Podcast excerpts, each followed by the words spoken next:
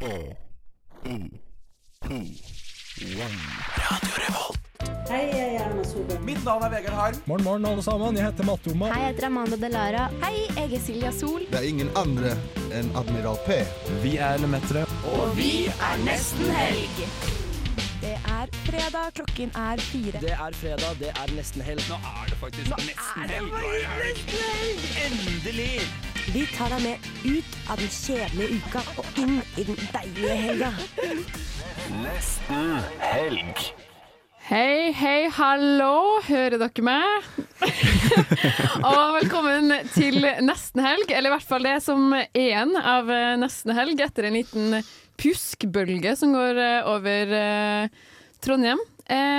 Eh, det her er Nora. Jeg skal være programleder i dag, og med meg på laget har jeg en litt eh, nervøs aspirant på teknikken. Ja, det er Morten, Morten. bak uh, spakene. Så det blir jævlig spennende. Debuterer som tekniker i dag. Yes, Og som en vikar til våre falne fluer, så har vi med oss Lars Martin fra Nerdeprat. Ingen ringere.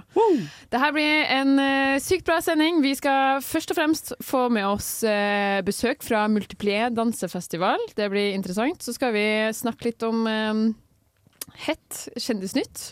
Og vi skal også vi skal smake litt på vin. Ja. Det blir uh, intet bedre enn uh, mykket bra. Uh, og med det så skal vi høre Aloysha. Aloysa? Aloysha. Ja. Sun Susanne Sundfør, i hvert fall. Hei, jeg heter Linn Skåber, og dere hører på Radio Revolt. Du hører fortsatt på Nesten Helg. Og Morten, hva, hva har du gjort eh, siden sist vi så deg? Fortell, Morten. ja, siden sist. Det er jo begynner å bli en stund siden. Ja, det er faktisk vi, to uker siden. ja, vi Vi måtte sendte jo en liten frekk reprise sist. hadde uke. en liten frekk reprise sist Oi. uke, fordi jeg og du, Nora, og Lars Martin har vært på hyttetur Ja, det har vi. Mhm. sammen med kulturseksjonen i radioen. Ja. Så det var jo Hvor var det vi var, da? Det Melhus eller noe? Melhus, men jeg, jeg føler veldig lite eh, beskrivende å kalle det Melhus. Jeg følte jo at vi var på en veldig flott plass ut Ja. med et stort vann. Når jeg hører Melhus, så hører jeg sånn Melhustorget, Ja. litt sånn borettslag, eller Ja. sånn ute i Gokk. Eh, på- Mm. Ja. Om vi skal plassere på et kart, så ville vi sagt Gåsbakken. Gåsbakken. Gåsbakken Det er det vi skal begynne å kalle det. Det var, det var Melhus, og så var det bare sånn en time Ja. langt inn i skauen. Ja, fordi det var liksom halvparten av veien var jo Da hadde vi kommet oss til Melhus. Ja. Da, da var det liksom fortsatt 30 minutter igjen, da. Mm. Så det var jo eh, veldig koselig, det. Ja. Og så denne uka Jeg så en film i går som var ekstremt bra. Jeg så City of God, Ja. eller uh, Cidade Deus, som, som de ville sagt i Brasil. Mm. Ja, for Ja. den finner sted i Brasil. Den finner sted i Brasil. Det handler om uh, okay. ungdom som vokser opp i favelaen i Rio de Janeiro eller noe, Ja. På 60-70-tallet. Og hvordan de liksom blir dratt inn i gjengkriminalitet. Og ja, det er et veldig sånn veldig sånn brutalt og rått uh, bilde på det. Som liksom, og historien er fortalt på en veldig kul måte fra perspektivet til en gutt som vokser opp der, som egentlig ikke har så mange stakes i den eh, kriminalitetsvirksomheten. Han er egentlig bare keen på å miste jomfrudommen sin og bli fotograf. Men så blir han dratt inn i disse greiene her, og så blir forta historien fortalt fra hans perspektiv. Ja. Det fungerer dritbra. Kjempe, kjempekul film. Det- Så den anbefaler jeg. Dette er en veldig gjenkjennelig historie. Føler vi alle har prøvd på en av de to tinga på et tidspunkt. Ja, Eller er det bare meg? Hva da? vi kommer litt høflig latter der. Bli fotograf og miste jomf- jomfrudommen. ja, det er the dream. Det er the goals. Nei, men Jeg kan si meg enig i den, ass. men eh, jeg har vært lei meg for at jeg ikke fikk blitt med på. Men det er egentlig veldig Mm. nice, Fordi da kan jeg skrive den opp i en sånn to do-list. Det er jo litt nice å ha på filmlista si. Du Mm. Lars Martin, hva har du gjort siden uh, sist du var Ja. hang rundt her? Ja, ja, nei, det blir jo veldig likt da det var jo, Denne hytteturen var jo helt Amazonas Det var kjempegøy Vi koste oss jo Amazonas. masse Eh, Jeg har en liten skrekkhistorie i dag Som jeg har lyst til å dele med nesten helg Ja. ja. Og det er, det er voldsomt Jeg var jo på jobb i dag Og begynte klokken åtte Og da sto jeg opp klokken seks For jeg liker å ha morgenen min og kaffen Og sitte og kose meg Og så eh, har jeg nå da et eh, sånn eh, veiskille For hvordan resten av uka mi kommer til å bli For jeg åpner klesskapet mitt Og så drar jeg ut eh, bokserskuffen Og der ligger det en bokser og da innser jeg at nå, LM, må du, nå må det skje noe her. Fordi det er det vi på folkemunn kaller eh, sistebokseren. Altså siste skansen, da. Ikke sant? Det er den du sparer helt til slutt. På den bokseren står det Forsvaret. Jeg har ikke vært i Forsvaret. Spennende å finne ut hvordan den har kommet seg dit. Men da kjente jeg bare angsten steg i meg, og jeg tenkte at nå, nå må du hjem og ordne. Så planen var hjem etter jobb, rett inn i vaskekjelleren i leiligheten. Og nå er jeg her. Deilig. Ja. Nei, men, åh, jeg kjente skikkelig på kroppen når du sa det. Ja. for Det ligger litt latent. Jeg hadde jo min siste bokser tidligere i uka. Ja, Den fryktfølelsen. Og, Altså. og det har, ja, det er skikkelig fryktfølelse, for jeg vet at det går litt sånn slag i slag de dagene som gikk nå. Ja. Så det gikk jo over på litt eh, Først var jeg sånn Skal jeg vrenge trusene mine? Hva, skal Nei, jeg- men da får du bare alt på buksa. Ja, ja, men det er jo enten Det, da mister du hele Jeg- hensikten med å ha fant, på deg bokser eller Jeg fant en god løsning. Jeg, jeg, har, jo, no, jeg har jo noen bikinitruser Ja. som det gikk eh, hardt utover, da. Ja, Men eh, det løste seg Ja, sånn. For jeg sto og så på eh, Bjørn Borg badeshortsen min og var sånn hmm, Hvor desperat er jeg Nei, jeg var så desperat, altså. Jeg må, jeg må innrømme at jeg også er på siste bokser. Du er det? Ja. Så jeg må, den neste bokseren min, den må jeg dumpsterdive etter. Ja, eller, eller Coop Extra har sånn der eh, boks, trepakke boksere som sånn 400 kroner. Og det, det var benytta meg veldig ofte. Du, nå har jeg et siste forslag. Fordi når jeg kom på skolen i dag, så var jeg helt bløt på føttene fordi jeg vet ikke skoene mine er helt wack. Så jeg tar av meg skoene, tar av meg sokkene, sitter her i forelesning, men jeg kan ikke sitte her barføtt i forelesning, for jeg kan ikke bli den heksedoktordama Ja, ja, ja. liksom eh, med en gang. I hvert fall. Vi har jo forelesning med eh, tredje- og fjerdeklassinger, og da må man se litt kul ut. Eh, så jeg gikk til Hittegodsboksen på Dragvoll. Der fant jeg intet mindre enn tre boksere, så det er der dere Det er kan der det hente. Det er der dere kan, der det skjer. Skjæra ut hittegodsboksen på Dragvoll midt i forelesning om psykodynamisk teori. Det er, ja, takk Yes, Nora. Det skal yes. jeg ha i mente. men jeg fant meg sokker, så jeg, den, eh, den, eh, den er gull verdt. Ja, ja. Eh, Utenom det har jeg det uh, veldig fint. Uh, Jobba masse denne uka, er litt sliten, men det er kjempegøy å være her da, for å prate litt med dere. Det syns jeg er veldig hyggelig. Ja, Veldig stas koselig. at du hadde lyst til å bli med oss i dag. Søtt, kost og gyllent, ville noen sagt. Ikke Deilig. jeg, da. Ja. Jeg for min del har eh, Jeg var på bussen i, i går. Jeg skulle gå av i Prins gate. Jeg var litt sånn hektisk idet jeg skulle komme av på bussen. Så, og så drev jeg og tasta litt sånn vilt på telefonen. Eh, Glem å kjøpe billett. Ja. Det var litt pinlig å si, men eh, det sa jeg bare ut der. Og det skal jeg jo ærlig innrømme. Av og til så glemmer jeg å kjøpe den billetten. Mm. I hvert fall eh, så ruller bussen inn på Prinsens gata. Mm. Eh, jeg skal av her. Jeg ser vekk Eller sånn Det er en sånn instinkt i meg når jeg ser sånne gule vester, så får jeg sånn frykt. eh, Det var veldig intenst, da. Ja, siste bokseren-følelsen når du ser de gule vestene. Ja. Mm. yes. Um, der står de lina opp, oh. og de er klar for å liksom blokke alle dørene. Og det er bare sykt hvor mange scenarioer man klarer å, å se for seg på sånn et halvt sekund. Ja. Det var veldig mye sånn flikke opp telefonen, skal jeg kjøpe skal jeg, skal jeg, skal jeg springe, skal jeg, Det er sånn dyriske instinkter som bare Mm. velter opp. Eh, og jeg får helt panikk. Eh, jeg, jeg vet ikke om jeg bestemmer meg for å springe, eller jeg går i hvert fall ut døra med veldig sånn derre manis Eller sånn Jeg er veldig sånn kontrollert, men akkurat min dør gikk Ja. dem ikke oh. forbi. Og jeg går ut med veldig sånn herre meka... Eller sånn, jeg ser ut som en robot når jeg går, for jeg, jeg skjønner ikke Skal jeg bli skutt i ryggen nå, eller skal jeg og, Men jeg kom meg ut av det levende. Fantastisk. Og, men det tar en halvtime før pulsen roer seg. Det har vært min uke. Nå må vi høre litt uh, musikk for å roe oss ned her. Ja. uh. For her kommer det bare veltende opp igjen. 'Morning View' av eh, Tribo Tribioni og Nelly Moir. Hallo, hallo. Jeg heter Tore Sagen, og du hører på Nesten helg. Vi har fått besøk fra Multiplier dansefestival, og med oss i studio så har vi Ingeborg Dugstad Sanders, sa jeg det riktig? Yes, fra Dansit og Multiplier dansefestivalen. Og så har vi også søskenparet eh, Silje Solheim, eh, Solheim Johnsen og Erik Viktor Johnsen, som er aktuell med forestillinga Erik. Velkommen til dere. Takk. Tusen takk. Veldig stas. Eh, dere skal jo ha eh, Erik blir jo satt opp på Multiplier dansefestival lørdag, altså i morgen. Klokka tre og klokka seks. Ja. Veldig spennende. Silje, du er jo eh, koreograf eh, av stykket, mens Erik, du er danser, eller ut, er det utøver, kanskje? Hva ville du ha sagt der? Ja. Han er danser, vil jeg si. Danser? Ja. Eh, vi skal jo snakke litt mer om eh, stykket nå etterpå. Men eh, vil dere først gi dere en liten eh, Gi dere selv en liten introduksjon? Ja. ja. Skal du begynne, Erik? Du kan begynne, Silje. OK. Ja. Eh, ja, jeg jobber som koreograf og, og har et par eh, stykker bak meg. Og nå har, har jeg laga Erik, og vi er med, tatt opp i Dansenett Norge, som er sånn eh, nettverksorganisasjon for- som man kan turnere i hele Norge. Og så får vi komme til Rosendal, og det er skikkelig fint å komme hit. Mm. Det, ja, det er en veldig Um, flott, flott plass. Det er gøy å lage forestillinger, syns jeg. Hva sa du? Det er gøy å lage forestillinger. Ja, det kan jeg se for meg. Alltid vært min eh, barndomsdrøm å å vært en både, både koreograf og utøver.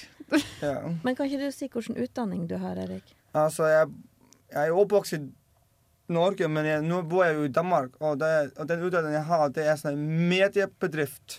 Mm. Og det heter Juno. Ok. Det er der du jobber. Ja, det er der jeg jobber. Det, Fordi du jobber, jobber med det i Danmark? Ja. Ja, ja, ja. Men så har du gått en skole. Så har jeg gått en skole før, før medien, og det var jo som heter TV, TV Glad. Da gikk jeg på tredjelinjen og lagde noen, noen forestillinger. På teaterlinja på Glad fagskole. Ja. Så han er jo utdanna innen teater. ja, ja, ja. Hvor, hvor, befinner, hvor er det igjen? Det ligger Å, skal vi se Nå husker jeg hva- hva her heter. I hvilken by? Det er ok, København. København? Ja. Spennende. Altså, det er jo Ja, gøy. Eh, dere skal jo opptre på Multiple dansefestival, eh, som skjer i Trondheim nå i ringende øyeblikk. Eh, hvilken brikke har du i denne festivalen, Ingeborg? Og hva er Multiplier? For det er jo en festival som kanskje ikke har dukka opp på alle sin radar. Nei, vi håper jo at, eh, at den dukker opp på noen sin radar. Um, multiplier Jeg kan jo kanskje forklare navnet multiplier først, for det er jo det første noen kanskje kan stusse på.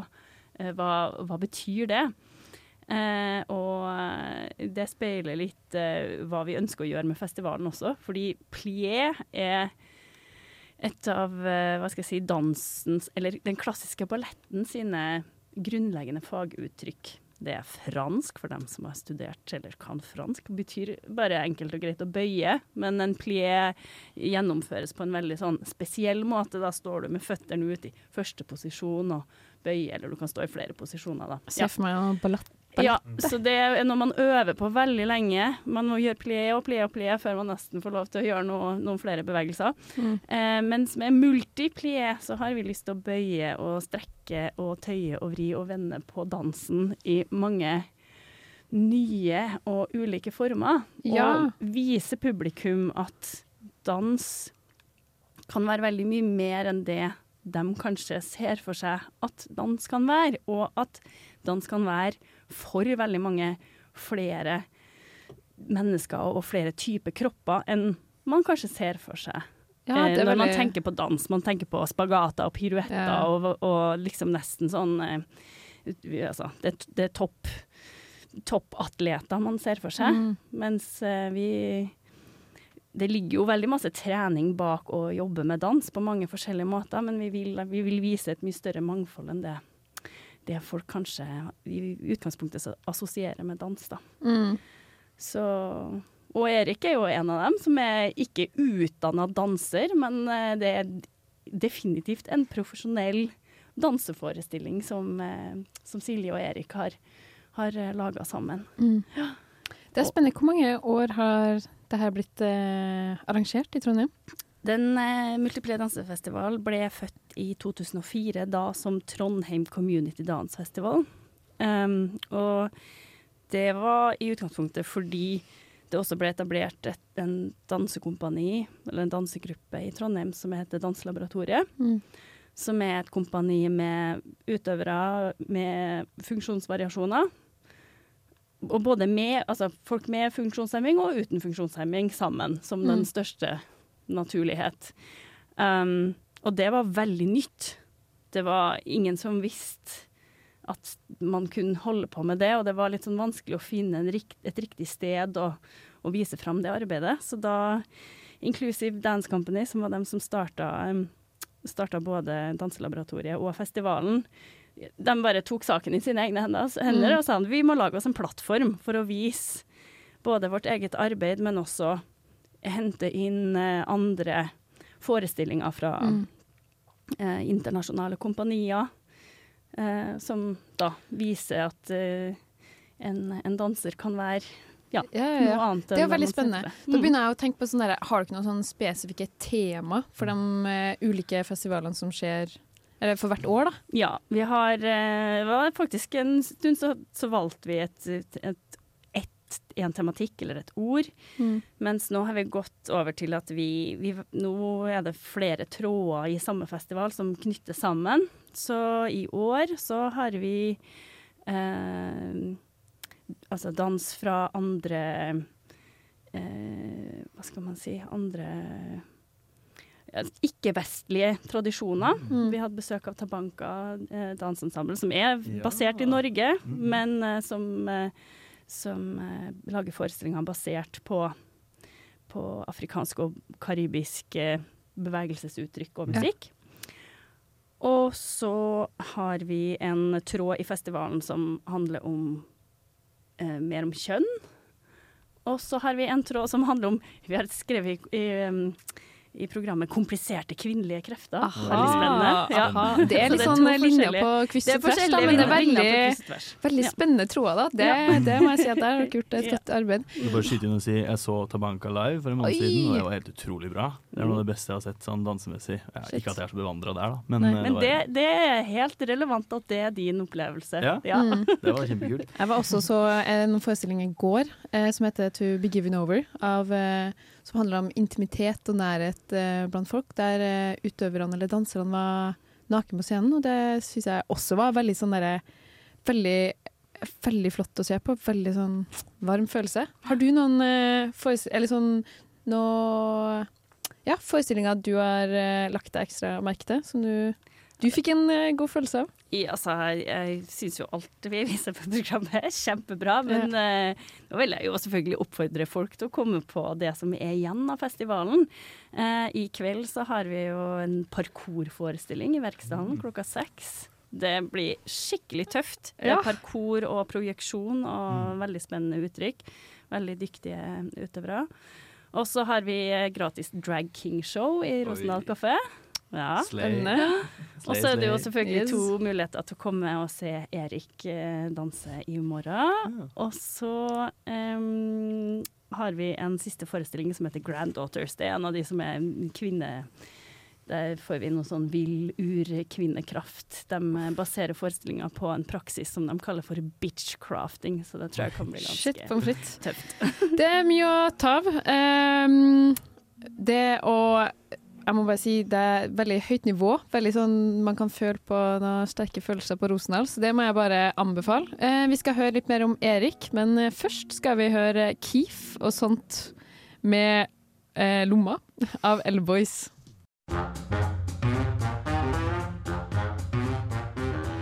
Jeg tror jeg heter Lars Berrum, og jeg vet at du hører på Radio Revolt. ja, ja, ja. Nå er, nå, nå er det bare å høre videre. Nå kommer det mer. Nå, kom, nå kommer det mer. Nå kommer det mer.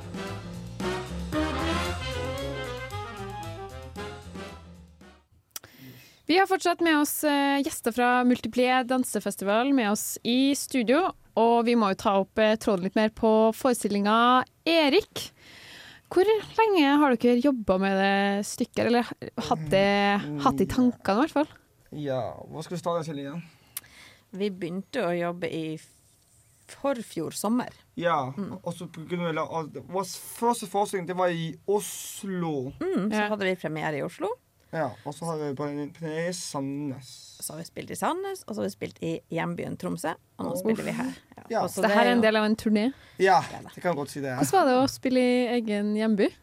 Det var litt, litt, litt sjovt og litt annerledes. Ja.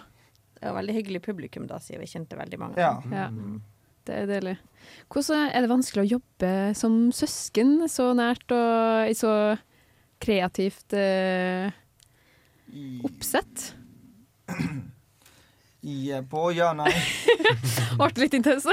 nei. Jeg si du, Silje.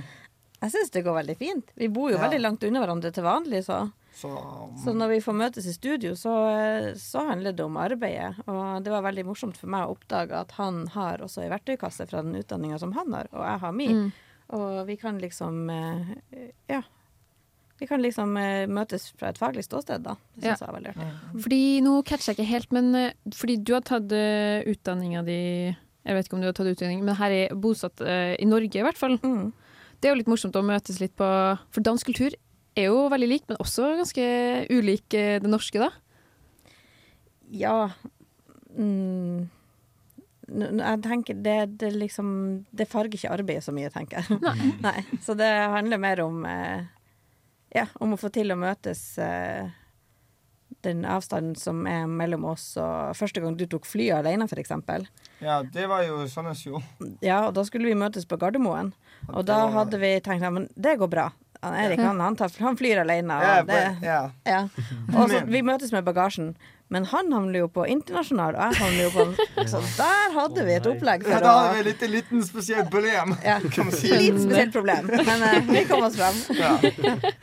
Det er godt å høre. Og så jeg må jo si som arrangør da, at det er jo veldig gøy at forestillinga har en liten dansk, litt dansk innhold. For vi har jo måttet bestilt opp en, en spesiell brus, blant annet, som ikke er så lett å få tak i i Norge. Og det er fasokondi. Man, man skal stille litt sånn eh, ekstra krav som eh, en utøver, syns jeg. Ja. Men det er jo en veldig sånn spennende intro til denne forestillinga. Fordi eh, det er jo en forestilling i form av et nærportrett av nettopp eh, deg, Erik. Eh, hvor, eh, hvor det står at man eh, Du kan kle deg i ditt lags supportertrøye. Ja. Leve ut din indre groupie, din favoritt band-T-skjorte. Og du, du, vel, du er velkommen til å gjøre som Erik. Og ta selfies med Erik er helt innafor. Ja. Dere må fortelle lytterne litt mer om formatet og, historien bak denne forestillinga. Ja. Den tar utgangspunkt i alle hans interesser. Alt han syns er gøy. Uh, og det er på en måte estetikken, og det, det er liksom I alle, alle former får vi det inn. Musikken, det er Erik sin yndlingsmusikk, i tillegg til noe som er komponert for forestillinga. Eh, og vi har jo idoler, og vi har supportertrøye, og vi har liksom det som har han det- interesserer seg hele. for. Og Faxe Kondi, da, det er hans yndlingssodavann. Ja. Mm. Men eh, Erik, hva er favorittmusikken din? Eller hva er noen av favorittartistene dine? Eh, det er jo Marcus Martinus. Ja. Får vi høre et lite knippe av dem under forestillinga?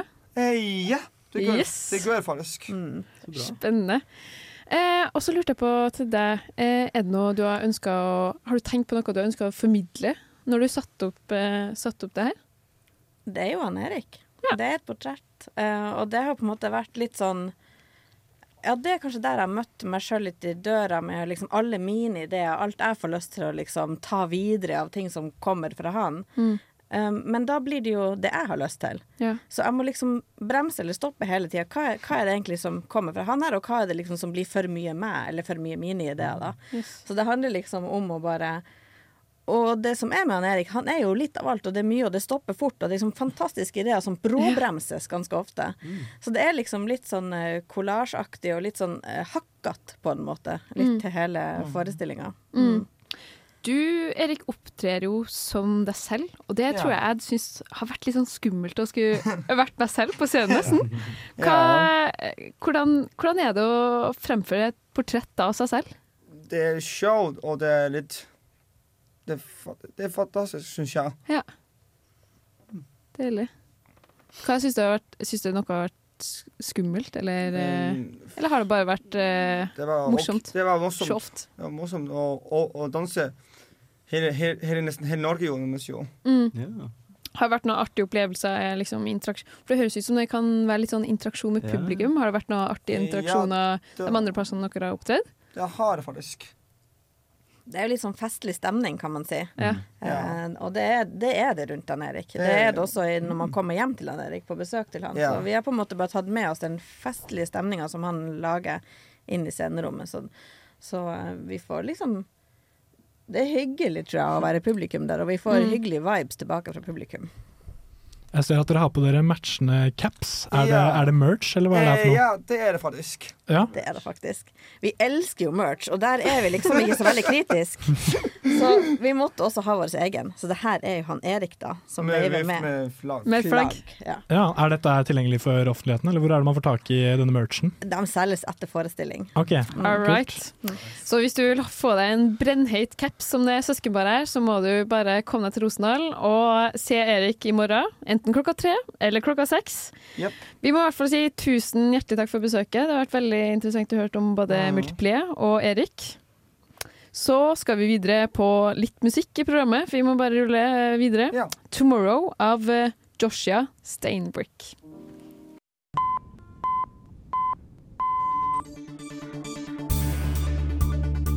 This is breaking news brought to you by Almost Weekend here at Radio Revolve. Yes, da er det duket for litt Studentnytt, og i dag så har jeg lyst til å snakke litt om eh, Oskar Vestelin. Jeg bare skyter litt inn der, Morten. Bare gi meg to sekunder. Sorry. Du må bare, må bare brekke deg litt. Måtte bare brekke meg litt. Rann. Nei, Så- oh, det var en dårlig start. Prøve å starte litt saklig med det her. trodde, nå trodde jeg du skulle ta en Oskar Vestelin-etterligning. At du bare skulle dra på deg Jeg maska kan, sånn. kan, vil du det, Nora? Ja, kjør. Altså Greia med denne kniven her er at den kosta 250 kroner på Ikea. Og den kutter like bra som denne kniven her til 2500 kroner. Kjøp bolla mi på Rema! Sånn, takk meg. Det er en kunst å kunne snakke på sånn inn- og utpust. Inn- og Utpust. Så det det, det syns jeg var en ganske fin intro til Ja. eh, det første delen av dette stikket, som jeg tenkte skulle være en kjapp intro av Oskar Vestelin. Ja. Mm. Fordi det er jo ikke alle som vet hvem denne gutten er. Det er det ikke. Denne gutten, det er det ikke. Det Nei. er et godt poeng. Ja. Så jeg foreslår, hvis du lurer på hvem Oskar Vestelin er, så kan du åpne Snapchat og bla til høyre. Ja. Det er Oskar Vestelin. Det Han, han som bare han, Det som har, blikket som fanger deg der, Ja. det som gir deg litt sånn han dominerer det høyre panelet der ganske hardt. uten tvil. Mm. Eh, mange som abonnerer på han, meg selv inkludert. Til tross for denne ganske aggressive introen, så ser jeg jo på Snap-storyen hans daglig, faktisk. Og du ser på Ja. Snaps nå. Jeg gjør det. Jeg så faktisk på Snap-storyen hans på vei til sending i dag. Ja, for, å fyre, deg opp litt. amped, for å bli litt gira. Ja, ja, ja. Nei, men, Men det er litt sånn uh, Man blir jo veldig Jeg, føler Jeg blir i hvert fall veldig hekta på ting jeg syns er litt sånn irriterende eller ekkelt Ja. eller weird å se på. Sånn derre kvise- kviseklemming og sånn derre Mm. Jeg husker den lille um, den eh, kosten som kosta bort et lite egg, og så bare sprer det seg utover sånne edderkopper. Ja, den, ja, ja, ja, ja. ja eh, men, men, eh, men Morten. Ja. Hvem er denne mannen? Hva gjør han? Hva gjør han som irriterer meg så mye? Kan du vel forklare, kanskje? Ja, eller sånn eh, Vi må jo Jeg tror det beste kategorien for ham er bare influenser, kanskje. Ja.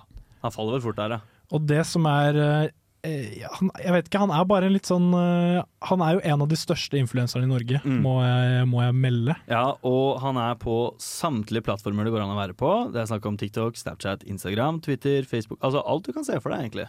Jeg er nesten litt imponert over om du har sett hele hans Snap-story for i dag, fordi han legger ut hver eneste dag. Det gjør han. Sånn, Og det, den består av sånn 40 elementer eller noe for Ja. hver eneste story. Det, Skulle gjerne ha fulgt han gjennom en dag for å bare se Hvor mye tid krever det faktisk å være influenser? Det må jo egentlig være heftig.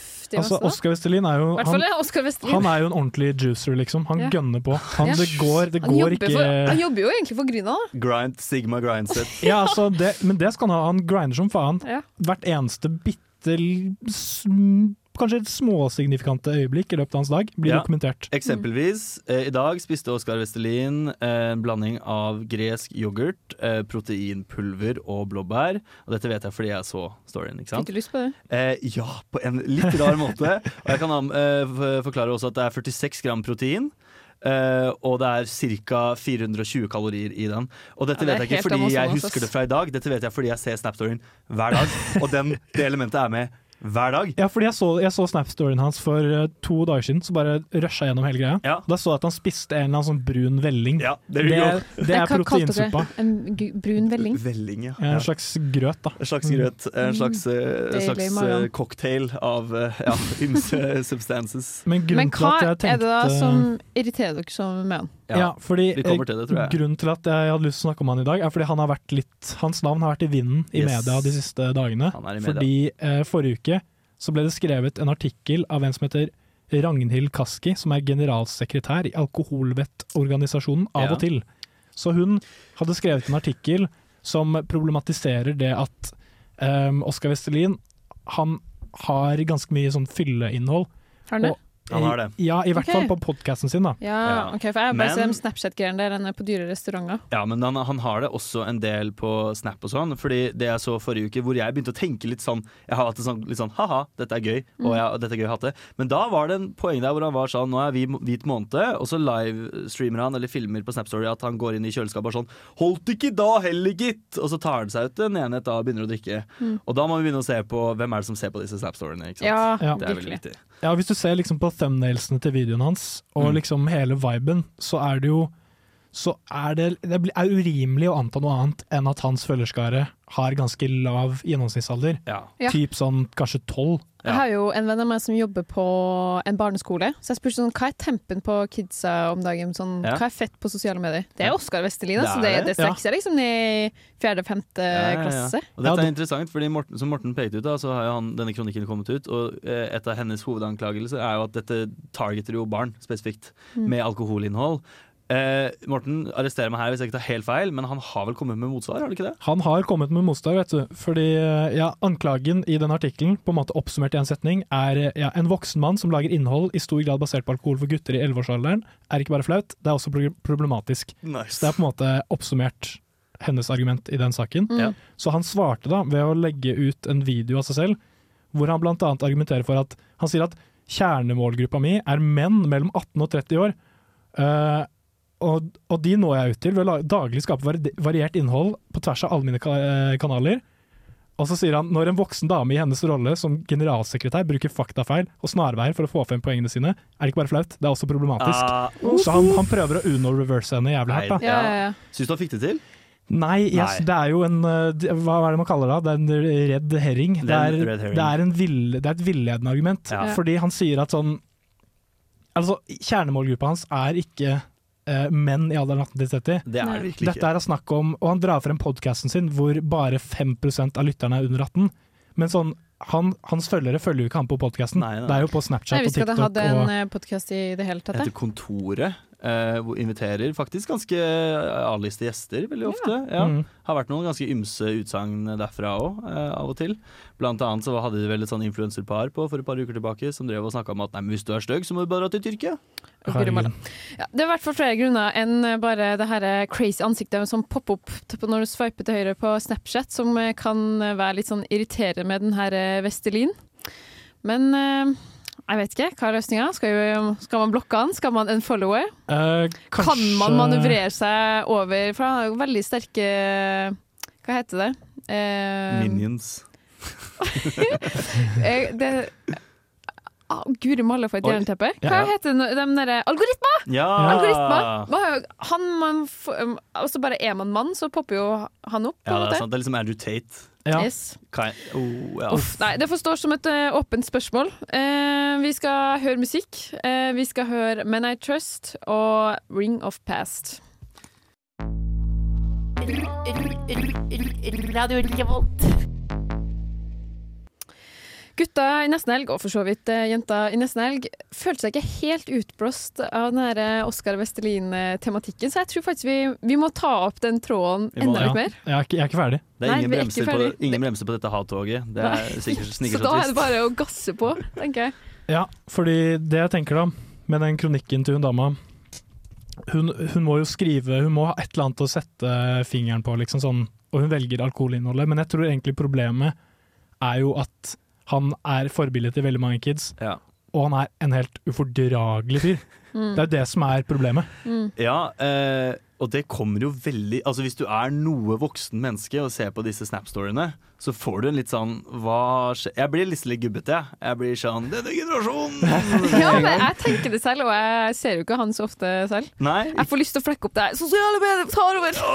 Ja, men det er jo Det litt, er jo det er jo litt sykt skummelt, da. ting å Sånn- si, men ja. det er Som megagubbe. for eksempel da jeg lastet en TikTok, og jeg var helt fersk på plattformen, Mm. så hadde ikke den algoritmen noe annet å sette tenna i enn at jeg er, er mann, da. Ja. Ja. Og den fòret meg jo Den bare spylte meg med høy- høytrykksspyler med masse sånn manosfære-content. Morten. Masse Andrew Tate, masse Sigma-stuff. Ble du radikalisert? Ble du en manus? Jeg ble helt jævlig Nei.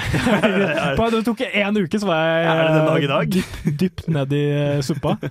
Nei, jeg klarte, det, jeg klarte heldigvis å ro meg ut av suppa, da. Ja. Og ikke falle for denne manosfære-retorikken. Det er det, men uh, fordi jeg er helt enig, Morten. Jeg syns beefen min her er jo ikke Altså ja, alkohol til barn, selvfølgelig. Det er den store røde greia, men det er mer det subtile nyansene han legger ut som jeg syns er jævlig. Og det er det herre Hvorfor skal vi Hvorfor skal vi gjøre content ut av alt? Skal vi gjøre det? Skal vi, skal vi lage video at vi lager oss yoghurt proteinpulverblandings, liksom?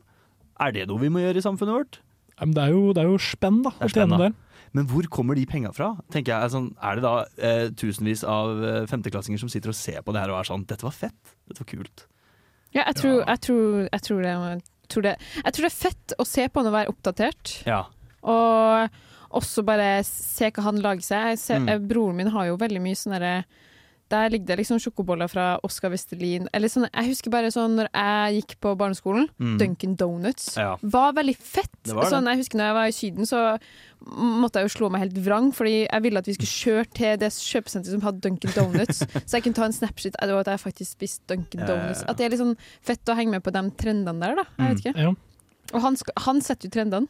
Han gjør jo Jeg, jeg vet ikke helt hva, hvor pengene hans kommer fra. Det er vel annonsører, da. At han har, kanskje han er sponsa et eller annet energidrikkselskap, jeg vet faen. Men Ja. det er i hvert fall annonsørinntekter, da. For Det er jo spennende. ehm, det er jo veldig mye rikdom også i de Snap-storyene. Altså Leiligheten er innreda, av kontorer, har store, fine PC-er, de drar på dyre restauranter. Det er sånn, Kids elsker jo swag og, Ja. og drip. Yes. Oi, nå hørtes jeg veldig ungdommelig ut. Barna elsker drip! Og jeg, jeg, kjenner på, jeg kjenner på at Nå har jeg stått her og sagt at han er en helt ufordragelig fyr, Ja. men jeg har lyst til å komme med et eksempel på ufordragelighet. da. Ja, Som for eksempel, eh, det var for noen, kanskje en måned siden eller et eller annet, det er ikke viktig, så var han gjest på podkasten til norske Joe Rogan, Wolfgang Wie. Wolfgang V. Wolfgang Wie. Ja. Og der snakket han det var, Jeg tror det var Oskar Westerlin og hans makker Snorre. Ja, eller annet. ja, de Mm. satt og chatta, og det var gutteprat og de beina på bordet. Og, ikke sant? Ja. Og da snakket de om sånn De snakket om Viagra. og, så, og så var det sånn Og så tror jeg Jeg husker ikke om det var Oskar eller han Snorre som var sånn Altså, det som er greia med Viagra, er at du kan ikke, bruke, du kan ikke gå rundt og bruke det hver eneste dag. Du må liksom spare toleransen din. Altså, hvis jeg ligger med en som er ja, La oss si syver eller oppover, Ah. da, fl da flekker jeg frem Viagraen. For da, da skal jeg faen meg være på. Men altså, hvis jeg, hvis jeg hvis jeg drasser med meg hjem en sekser eller nedover fra byen en dag, så er det ikke snakk om Viagra da. Må jo spare på kruttet til det er alvor. Er det, har dere Jeg føler Er det en sånn Viagra-bølge blant uh, unge gutter i dag? Det har jo blitt lovlig. Hæ, er det en greie? Ja. Jeg Det føler selges uh, over the desk på Var, apotek. var det ulovlig før? Ja, det var det. Og nå har det blitt uh, reseptfritt. Jeg skal jo, Hvis jeg bare skal komme med noen forhåndsdømninger, så føler jeg han kan stå for en sånn Viagra-kultur. Eller sånn herre åh, ja, nei, jeg bare føler sånn han, kan godt, han kan godt gå ut med den sinna humoren. Kødde, gutta Ja, ja, ja. kødder, liksom. Det der, jeg tar noe Viagra, har det i innerlomma. Ja, ja. på en måte. Eller sånn, ja. Han er 24 år og må ty til Viagra. Kanskje det ikke er så Kanskje ikke den proteinblandingen hans er så nice. funka ikke så bra. likevel. Bare, eller? bare med syvere. Ja, bare med syvere. Ellers så gjør han det ikke. Det er et viktig poeng her. Og bare det å bruke det poengsystemet der gir meg litt fnatt, ass. Yes! Ja, det, det er litt sånn uh, Ja, ja. ungdomsskole-flashbacks. How I Met Your Mother ringte og ville ha Ja. greia si tilbake. Liksom, hva faen? Har du sett at jeg har laget en oppfølger til den? How I Met Your Father? Ja. Har du sett at Barry Barney Stinson skal være med i den? Her skal han. Ja, ja, ja. Ja, Barley Stinson returnerer til eh, How Your jeg Mother-universet. Ja, jeg, har en venn, jeg har en venn som gjør noe litt morsomt, fordi eh, jeg pleier å bruke litt lang tid på å bestemme meg for hva jeg skal se på. Og sånn. Mm. Og hvis jeg bruker for lang tid, så bare setter han på How Much Your Father oh, for å få et fortgang i det. Så, for så eh, jo lengre tid jeg bruker på å komme meg frem til et eller annet å se på, så må jeg se må jeg lide meg gjennom. Ja, for det er ikke noe særlig bra. Det er, det er så dårlig. Eller How Much Mother, det er jo, det er jo megacursed allerede. Ja, ja, ja. Så dette her er liksom sånn uh, Ja, nei, det Så hvis du vil være like cursed som dem som ser på How Much You Father, så fortsett å se på Ferdig. Oscar Oscar. Westerlin. Ja, Det var en utrolig artig konklusjon vi kom til ja Jeg liker den, eh, den her sammenfallinga. Kjempefin sirkelkomposisjon. Føler dere dere utblåst? Jeg er sentrert, mitt tredje øye er åpent, chakraen min er i balanse. Hvis ikke same, får, same. dere ta det utover kanonballturneringa i morgen. I morgen. I morgen. Tomorrow. Vi skal høre 'Tomorrow' av. Joshua Steinbrink. Hallo, hallo, hallo. Vi er klovner i kamp. Og du hører på Radio Revolt. Må ikke forveksles med Radio Revolver. Hør nå, hør på den hagla her. Og du hører på Nesten Helg, som skal, skal prate litt om eh, AI. Litt på eh, Mm. det kjøret. Ja, nå er det tid for Tech News. Tech News. Tech News by Nesten Helg. Mr. Musk, please tell us. Ja, fordi jeg, jeg syns jo det er litt eh, Det er jo ganske artig, det som har skjedd i løpet av de siste hva blir det, tre-fire månedene. Mm. I november i fjor så kom det et produkt på markedet Ja. som heter ChatGPT. Oh. Uff, den, den som tok mang en NTNU-student gjennom sosial 2-eksamen i psykologi, tipper jeg faktisk. ja. jeg har begynt på um, oppgaven i pers personlighet. Og, eller sånn um, Jeg kan jo bare spørre noen veldig åpne spørsmål. Han Ja. linker meg opp med artikler og alt mye. Det er så Så hyggelig. Er Og jeg ser ikke på det som juks i det hele tatt, for det her er jo det her er jo framtida, tenker jeg. Ja. Ja, og det, det, det bruker ChatGPT til. Ja. Ja, Ja, det, er jo, det er jo fremtiden. Det er Ja, jo det. det som er så sjukt med der vi står nå. Det er jo står overfor et, eh, et aldri så lite paradigmeskifte, tenker jeg da. Oi, It is, it is. Ja. det er et stort stort ord. Ja. Hva er chat-GBT? jeg har bare stilt noen spørsmål på anbefalinga av deg og Marie. ja, det er egentlig bare skjønner ikke helt eiere. Det er egentlig bare et uh, grensesnitt. Altså det er bare en nettside hvor du har et chat-vindu, hvor du kan stille spørsmål til datamaskin. Mm. Du kan spørre om nesten hva som helst, og så får du et svar. Så det er egentlig bare en, et dataprogram som har lest og trålet internett etter eh, tekst, Ja. Mm. og så Husker dere den der chattefunksjonen der du kunne chatte med en slags robot som var populært for sånn typ åtte, ni, ti år siden? Jeg har et bilde i hodet av det, ja. Det ja. ligna litt på Gu... På Google Farger der. Ja. Og så var det sånn, du stilte et spørsmål, så fikk du ja, nesten litt det samme, da. Kanskje Ja. en prototype.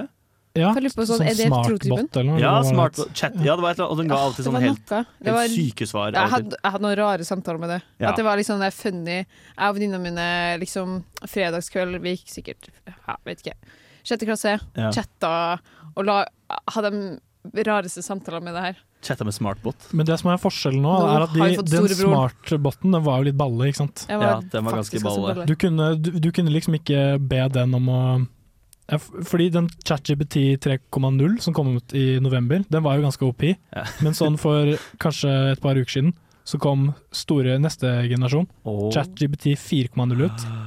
Og den er, bare, den er helt crazy, liksom. Men Morten, jeg er veldig pleb når det gjelder å forstå sånne ting som det her. Er det dette Ja. som er machine learning?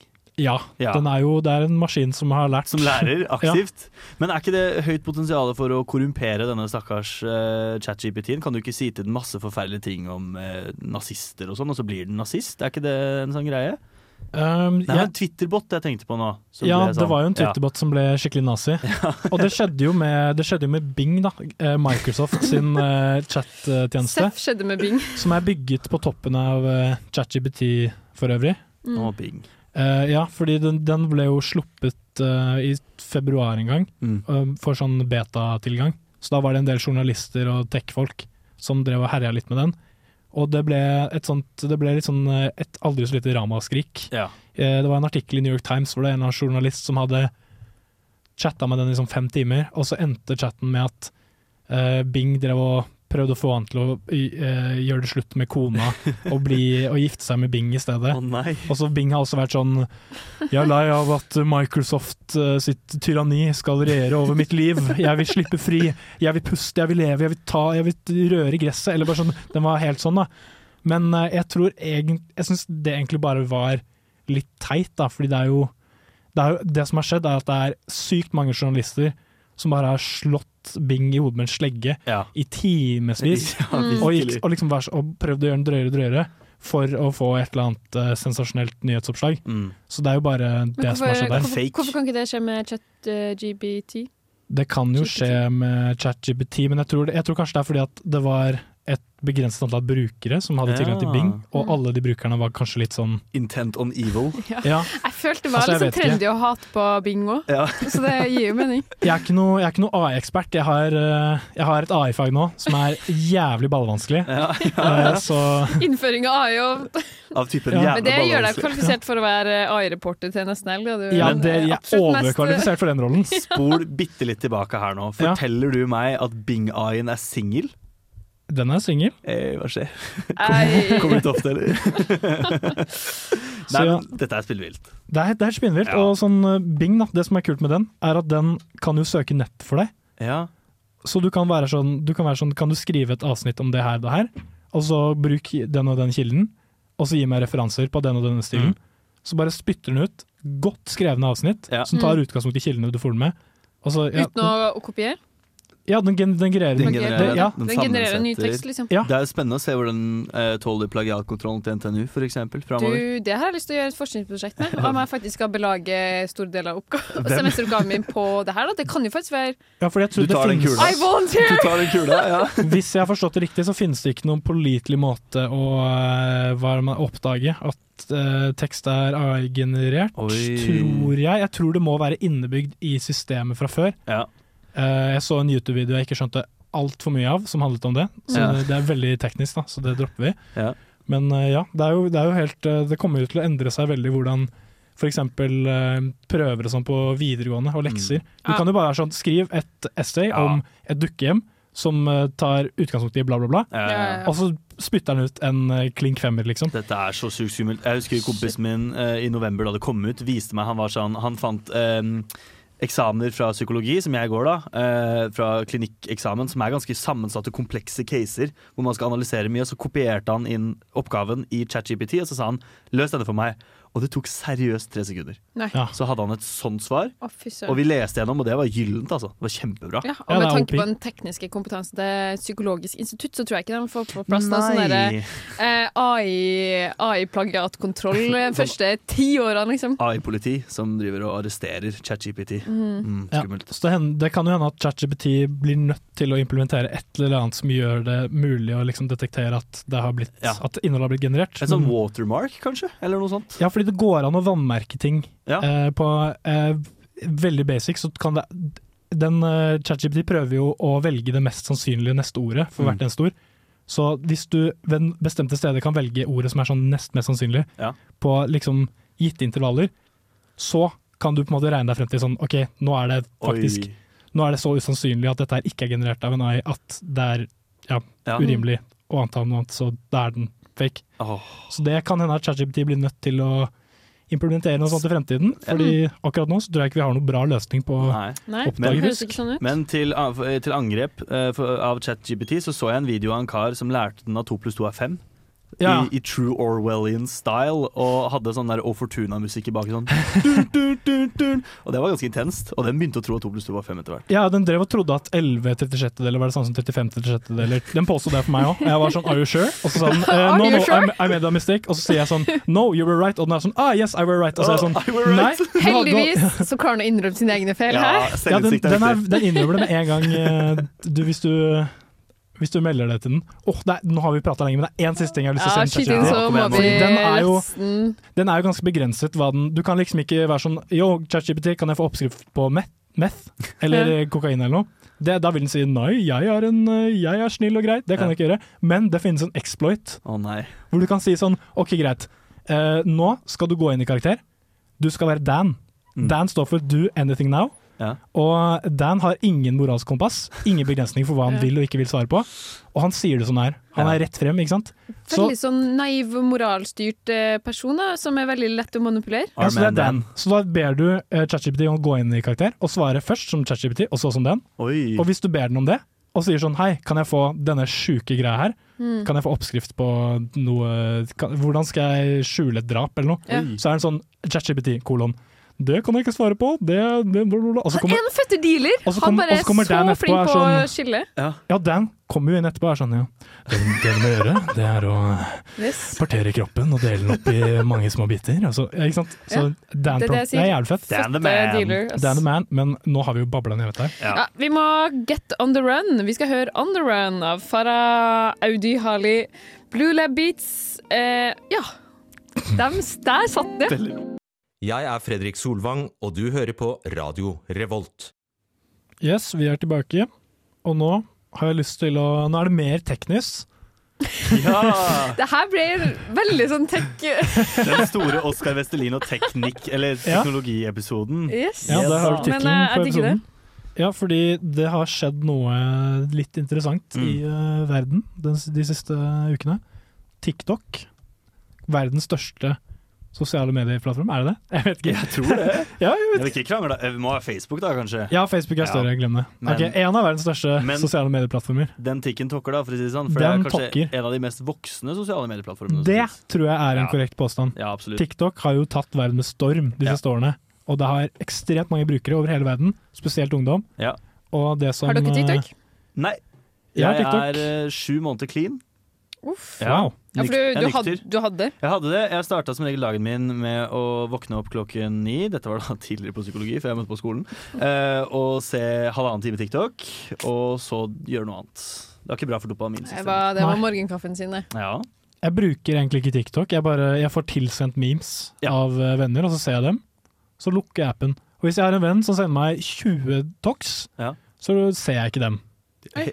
Men det er ganske, da har du ganske sånn eh, selvkontroll. Jeg tror at, for jeg er veldig sånn Hvis jeg går inn på telefonen min, så blar jeg gjennom alle appene som jeg kan se noe på. Ja. Og når jeg er ferdig og fortsatt har behov for noe dopamin, så går jeg liksom gjennom samme greia igjen. Ja, ja, ja. Men på TikTok, der har jeg jo evig. Jeg er jo Der liksom, drikker du av en bunnløs brønn. Ja, det er sant. Ja, ja, ja. Jeg har jo liksom fattigmanns eh, TikTok, da. Det er jo reels, på det har jeg Facebook. også. Jeg, jeg jugget i stad.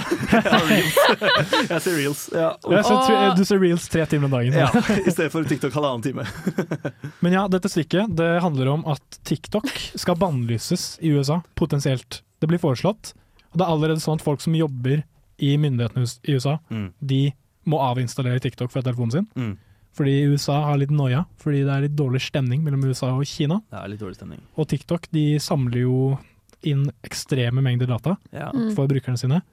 Og så er USA litt redde for at de skal bruke det til eh, litt sånn eh, lugubre hensikter. Mm. Det høres jo helt crazy ut. Veldig sånn derre Hva skal jeg si um, oh, eh, Taushets eh, eh, Ja, samme det.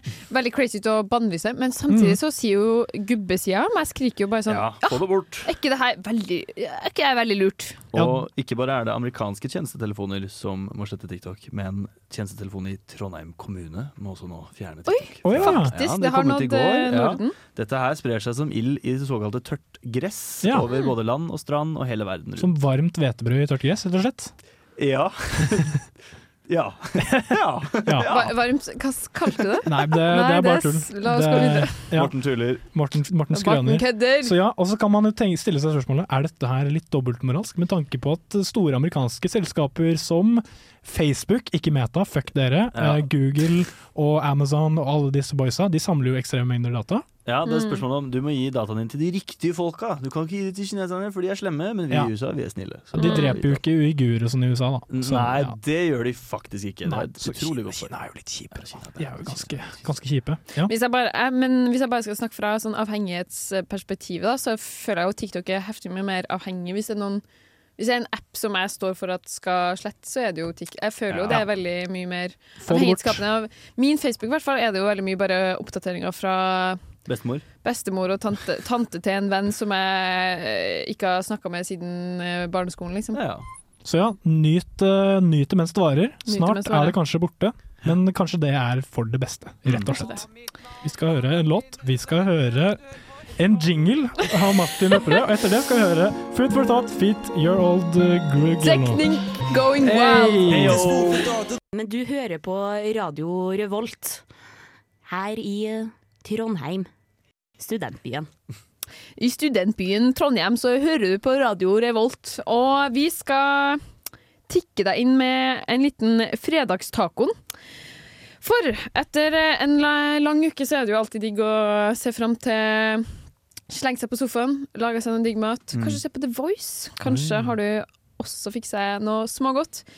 Men eh, denne illusjonen kan jo fort falle i tusen eh, knas når du kommer på butikken og tenker Du kommer på spørsmålet Nei, hva faen skal jeg egentlig spise? Ja. Hva er egentlig digg i kveld? Er det, er det pasta og pølsegrateng? Det- Eller jeg syns jo det Den klassiske. Den klassiske. Ja. liksom, en frekk liten pølse i brød. Det er jo egentlig ofte ganske digg. Liten frekkas.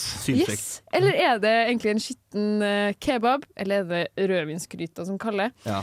Ikke alltid eh, lett å bestemme seg.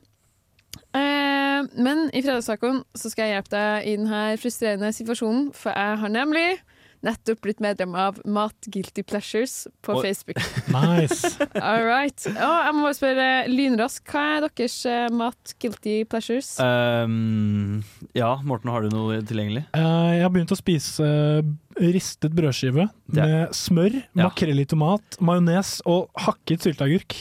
Ja, Du den var jo, høres jo ganske deilig ut, da. Og så mista du meg. For meg tror jeg min største mat-guilty pleasure må bli noe sånt som ja, Jeg er fra Østfold, da, skal nevnes.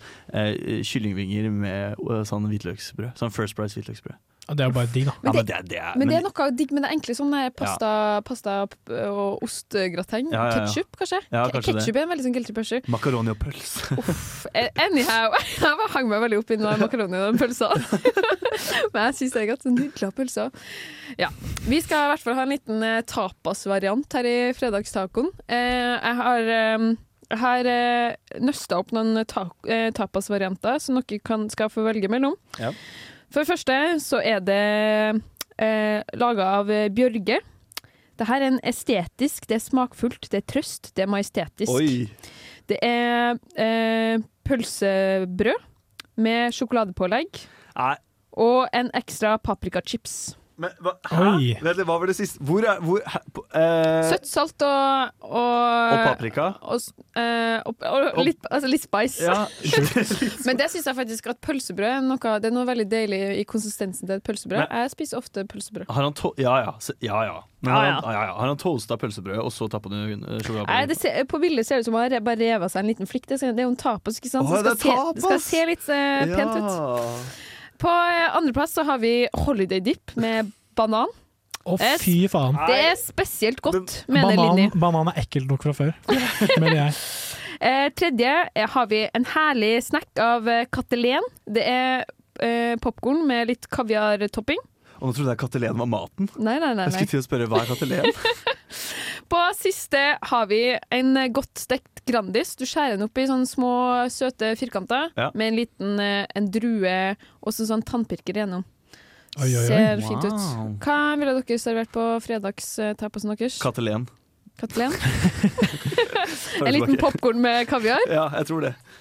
Jeg backer, uh, backer Katelen, jeg. Katelen og kanskje, kanskje et par sylteagurker. Jeg ville ha prøvd meg på en holiday dip med banan. Ja. Vi skal høre eh, lean beef patty. Kanskje det er en burger? Ja. Eh, av eh, GEGM Afia Eggs Danny Brown. Å ja, JPEG Mafia står det der. Blir vi bedre mennesker eller litt dårligere mennesker? Forbedring eller forfall? I de eh, to ukene som har gått, jeg ser på deg med et lite heva øyenbryn, Morten, Oi. så har Ja. vi testa noe søvn... eh, Søvntips, kan vi kalle det. Ja. Der eh, jeg blant annet skulle ta meg en kald dusj om morgenen og stirre inn i solas hvitøye eh, noen minutter. Stirra stirra du rett på sola, eller litt ved siden av? Er litt ved siden av. Ok, for Man skal ikke se rett på sola. Nei, det er jo ikke det sunt. høres helseskadelig ut, ja. Mens Marie og Morten, dere skulle, dere skulle sove med teip på munnen. Og det her var tips for å få en bedre, bedre søvnkvalitet. Å kunne sovne fortere. Ja, det er visst en greie at man eh, skal generelt ikke puste Man skal ikke gå rundt og mouth-breathe. Man skal puste gjennom nesa. Mm. Og da øker du din forventede levealder med mange år, eller et eller annet. Jeg vet Mm. ikke. Det skal i hvert fall være mye bedre å med- sove og leve med lukket munn. Ja, det her med kald, kald dusj og se på sola Nå syns jeg bare, for jeg vet jo egentlig ikke helt hvorfor, men jeg ser for meg at hvis man våkner hvis man kickvåkner, eller liksom våkner ordentlig når man våkner, da, så Mm. er man ordentlig trøtt i kvelden og sovner lett og ja, får en bedre rytme. Mm. Jeg vet ikke, Hva slags eh, erfaringer har du dratt med deg her? I løpet av denne uka, Ja, eller disse ukene. Mm. Uh, vi skulle jo teipe munnen. ja Og du, Morten, kom jo med en liten uh, klam unnskyldning om at Nei, jeg har ikke noe har bare, har bare Hva heter det sånn teip du maler på?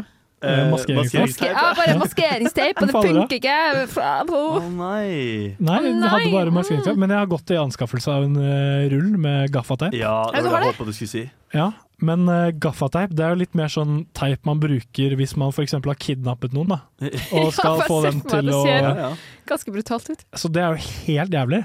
Å, fy. Men uh, ja, for, fordi det, det selges jo en egen teip som er spesialisert for dette formålet. ja, det gjør det. Den koster mange hundre Oi, kroner. det Det har jeg faktisk aldri hørt om. Jeg, og jeg, har, jeg gadd ikke bruke mange hundre kroner på å kjøpe den teipen, dessverre. Og jeg har, vært, jeg har hatt stirrekonkurranse med gaffateiprullen. Men jeg har, ikke, jeg har ikke gaffet meg så mye, ass. Det må jeg, det må jeg innrømme. Jeg må peke ut. Du, du må være verdens høyeste terskel å skulle legge seg, og så stirrer du bort på den feite gaffateipen på nattbordet og er sånn Ja. Ganske Skal jeg prøve å kidnappe meg selv, Ja, liksom? må jeg Ja. dette? Skal jeg, da kan jeg like godt kneble meg selv og stappe en sokk i kjeften eh, i samme slengen. Jeg bare skulle si det sånn Jeg skulle vært jæskla trøtt Ja. hvis jeg skulle klart å sovne med det her tvangstrøya rundt munnen. Et lite søvntips er at du kan få noen til å waterboarde deg rett før du skal sovne. Da blir man veldig søvnig og døsig i hjernen. Eh, mild tekno og blinkende lys, strobelystortur skal også være ganske bra for Ja, det har jeg også hørt. Men jeg, jeg har faktisk eh, jeg, siden jeg fikk litt dårlig samvittighet for å bare drite i hele prosjektet, så jeg har eh, gjort noe annet. da. Ja.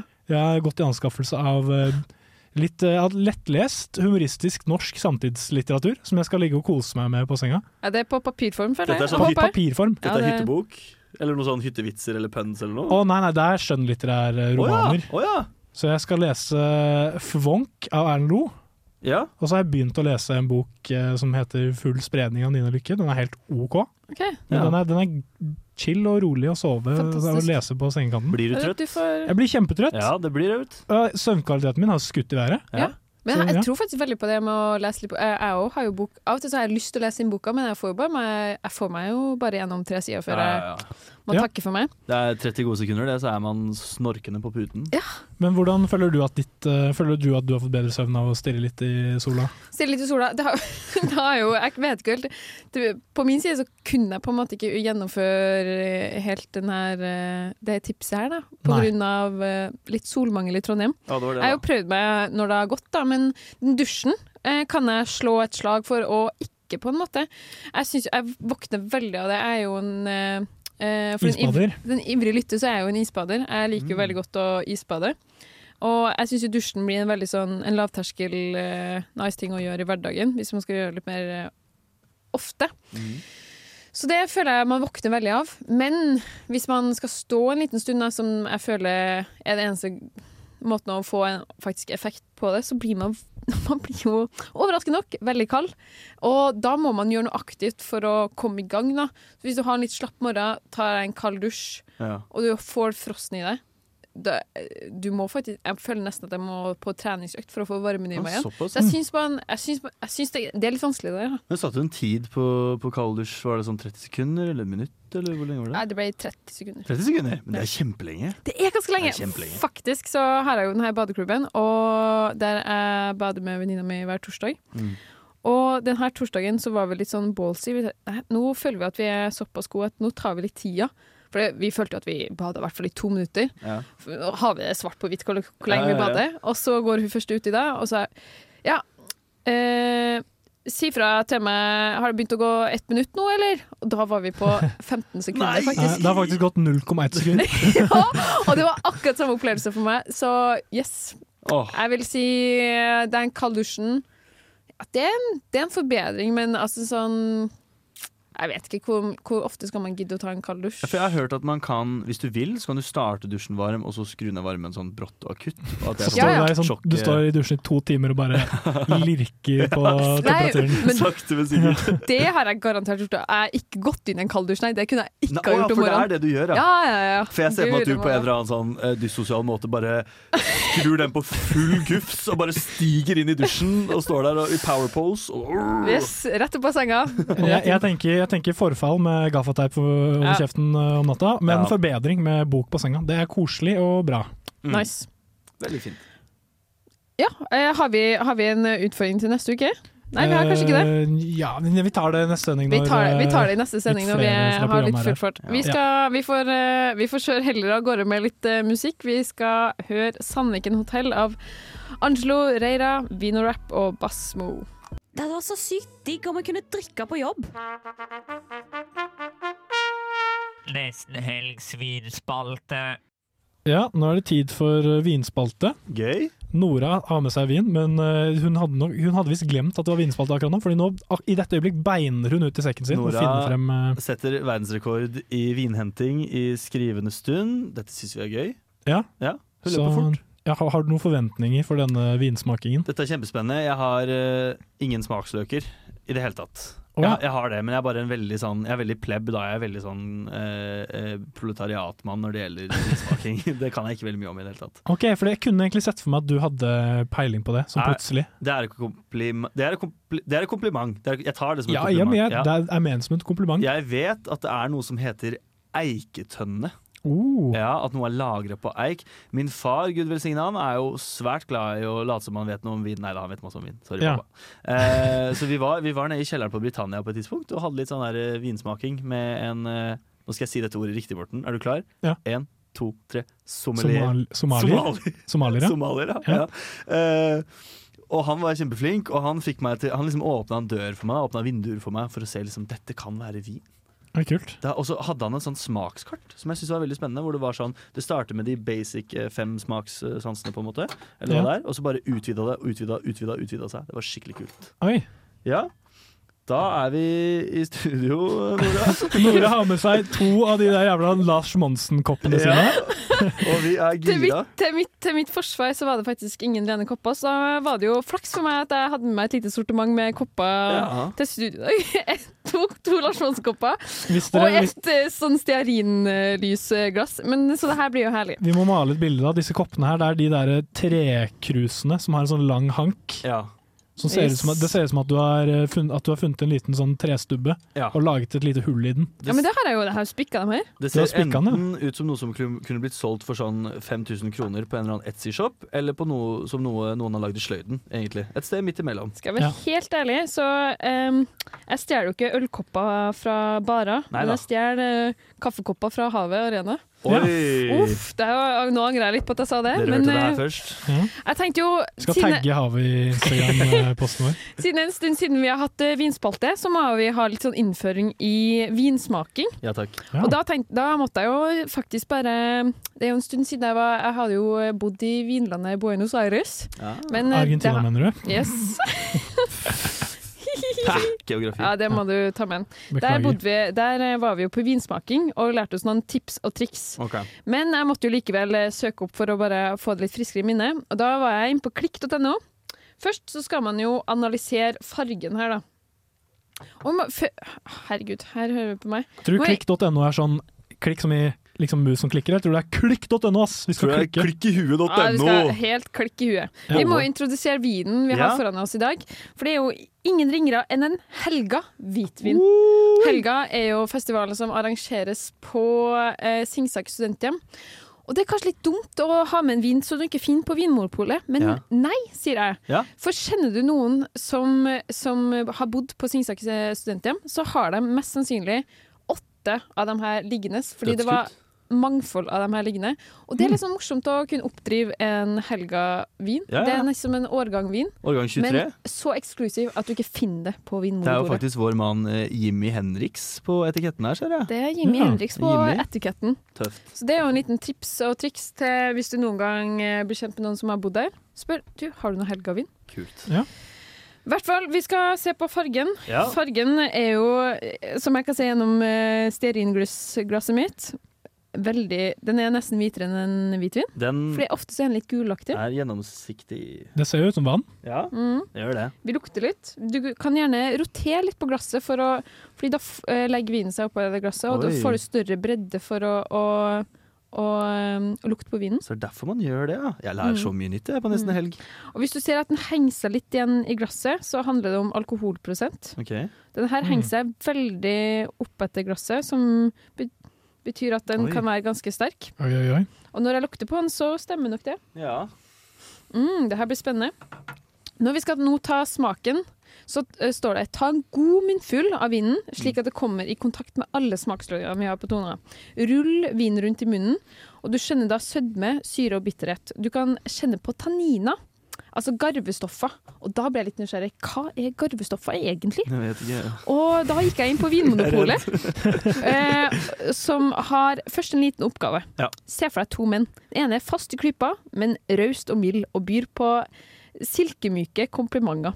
Mm. Den andre fremstår som bløt og rund, men ganske grov og ubehøvla Oi. når du blir kjent med han. Okay. Hvem av dem liker du best? Den første. Syns du det her var en rar oppgave? Eh, les videre, så kan du bli kjent med begrepene god tannin, som er fast og silkemyk, eller en dårlig tannin, som er grov og kjip. OK. Så du, eh, Garvestoppa, er jo det her første mennesket vi blir kjent med, da. Mm. Mer om tanniner hører du på neste vinspalte med nesten helg. Vi skal over på selve smaken. Ja. Ja. Så når vi tar en slurk, så skal vi ta den litt rundt i munnen. Ja. Og før vi svelger, så har vi den uh, inni munnen. Vi lager en liten trutemunn, og så puster vi inn litt luft. Okay. Fordi da får vi oksygen mens vi smaker. Da kan det kjennes veldig sterkt. Det kan svi litt, for da får alkoholen eh, oksygen å jobbe med. Mm. Ja. Men det skal, det skal du ikke bare stå i, Fordi da smaker vi enda mer. Okay. Let's do it.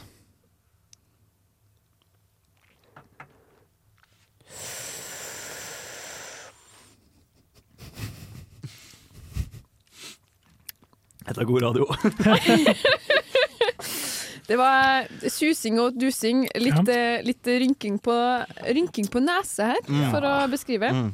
Mm, Lars Martin har noen smakstoner her Mm. bakerst på sødme, Mm. sødmesida av uh, tunga. Um, ja, dette var veldig Kan jeg bare gi en liten cred til, eh, til Helga og Singsaker studenthjem, for det syns jeg var kjempegodt. Ja.